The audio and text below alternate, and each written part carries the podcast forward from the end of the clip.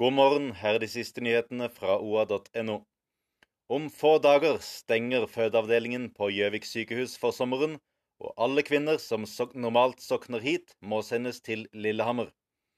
OA kan imidlertid avsløre at det så sent som forrige helg var sprengt kapasitet på Lillehammer, og to kvinner måtte sendes til Gjøvik. Stian Pettersbakken i Vestre Toten Arbeiderparti mener han har løsningen på debatten rundt storkjøkkenet på Gimle sykehjem i Vestre Toten. Bygg nytt kjøkken og vaskeri på samme tomta først, så kan vi rive det eksisterende, mener Pettersbakken. Og i dag bestemmer kommunestyret med all sannsynlighet at Raufoss skal bli by. Dette har vakt oppsikt hos fagfolkene, som mener det hele virker som en parodi, mens raufossingene synes å være delt omtrent på midten i spørsmålet om Raufoss blir bedre som by.